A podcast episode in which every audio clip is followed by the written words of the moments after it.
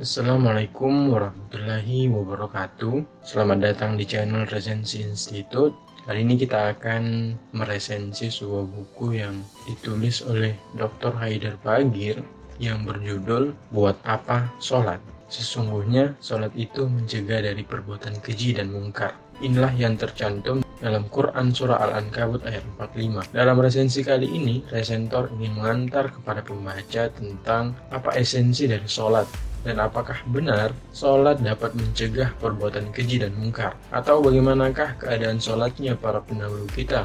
Mulai dari zaman Nabi Muhammad SAW yang umatnya diperintahkan untuk sholat lima kali dalam sehari. Pertanyaan utamanya adalah untuk apakah kita sholat? Nah, kata sholat sendiri memiliki akar kata yang sama dan memiliki hubungan makna dengan kata sila yang bermakna hubungan.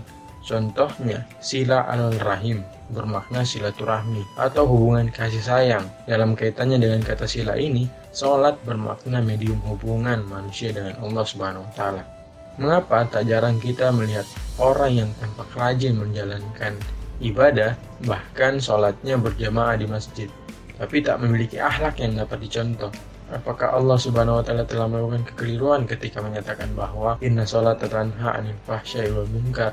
Sesungguhnya salat itu mencegah dari perbuatan keji dan mungkar. Atau apakah salah rasulnya ketika menyatakan bahwa jika salat seorang baik, baiklah semua amalnya. Nah, bagaimana salat dapat mencegah dari perbuatan keji dan mungkar?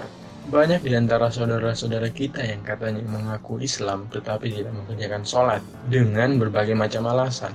Dan salah satu pendapatnya adalah banyak di antara umat Islam yang melihat orang-orang yang rajin beribadah tetapi tetap melakukan kejahatan, entahlah korupsi dan sebagainya.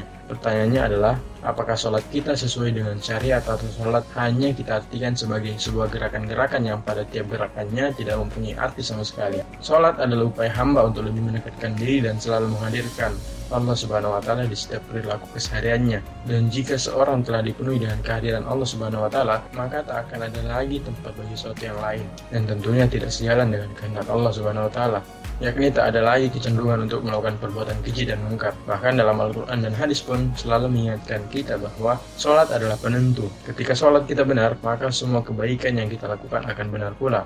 Begitupun sebaliknya, sholat merupakan tingkat fokus yang tertinggi untuk mengingat Allah Subhanahu wa Ta'ala. Jika dalam sholat terpikirkan sesuatu yang lain selain Allah Subhanahu wa Ta'ala, maka sudah pasti sholat kita tidak akan menghantarkan kita kepada jalan yang benar, atau pakaian yang kita kenakan dalam melaksanakan sholat diperoleh dengan cara yang tidak halal. Itu juga akan berakibat sholat kita masih belum bisa mengantarkan kita ke jalan yang benar.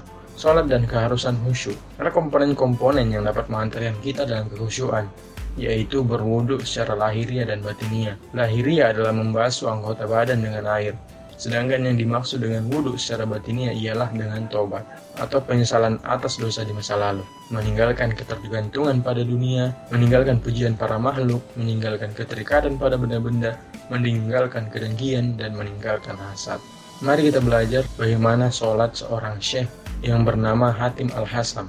Setelah itu, barulah aku menuju masjid siap untuk mengerjakan sholat. Pada saat menghadap ke kiblat, aku melihat diriku sebagai seorang hamba yang selalu bergantung kepada Tuhannya. Seakan-akan aku berada di hadapan Allah Subhanahu wa taala dan surga berada di sebelah kananku.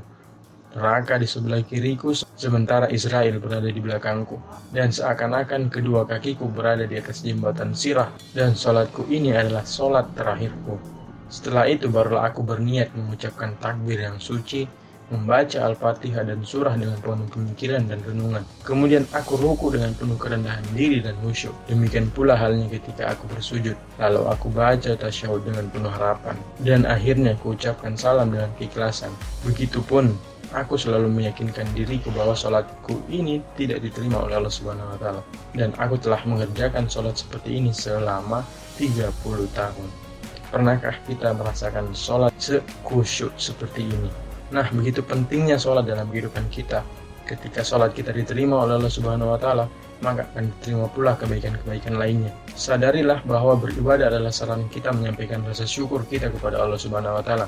Dalam hal ini, ambillah teladan Nabi Shallallahu Alaihi Wasallam. Diriwayatkan, misalnya suatu kali Bilal sholat subuh bersama Nabi Shallallahu Alaihi Wasallam dan melihat beliau menangis dalam sholatnya, Bilal pun bertanya, mengapa anda menangis? Inilah jawaban tugas beliau. Tidakkah selayaknya aku menjadi hamba yang bersyukur? Terima kasih. ada pertanyaan?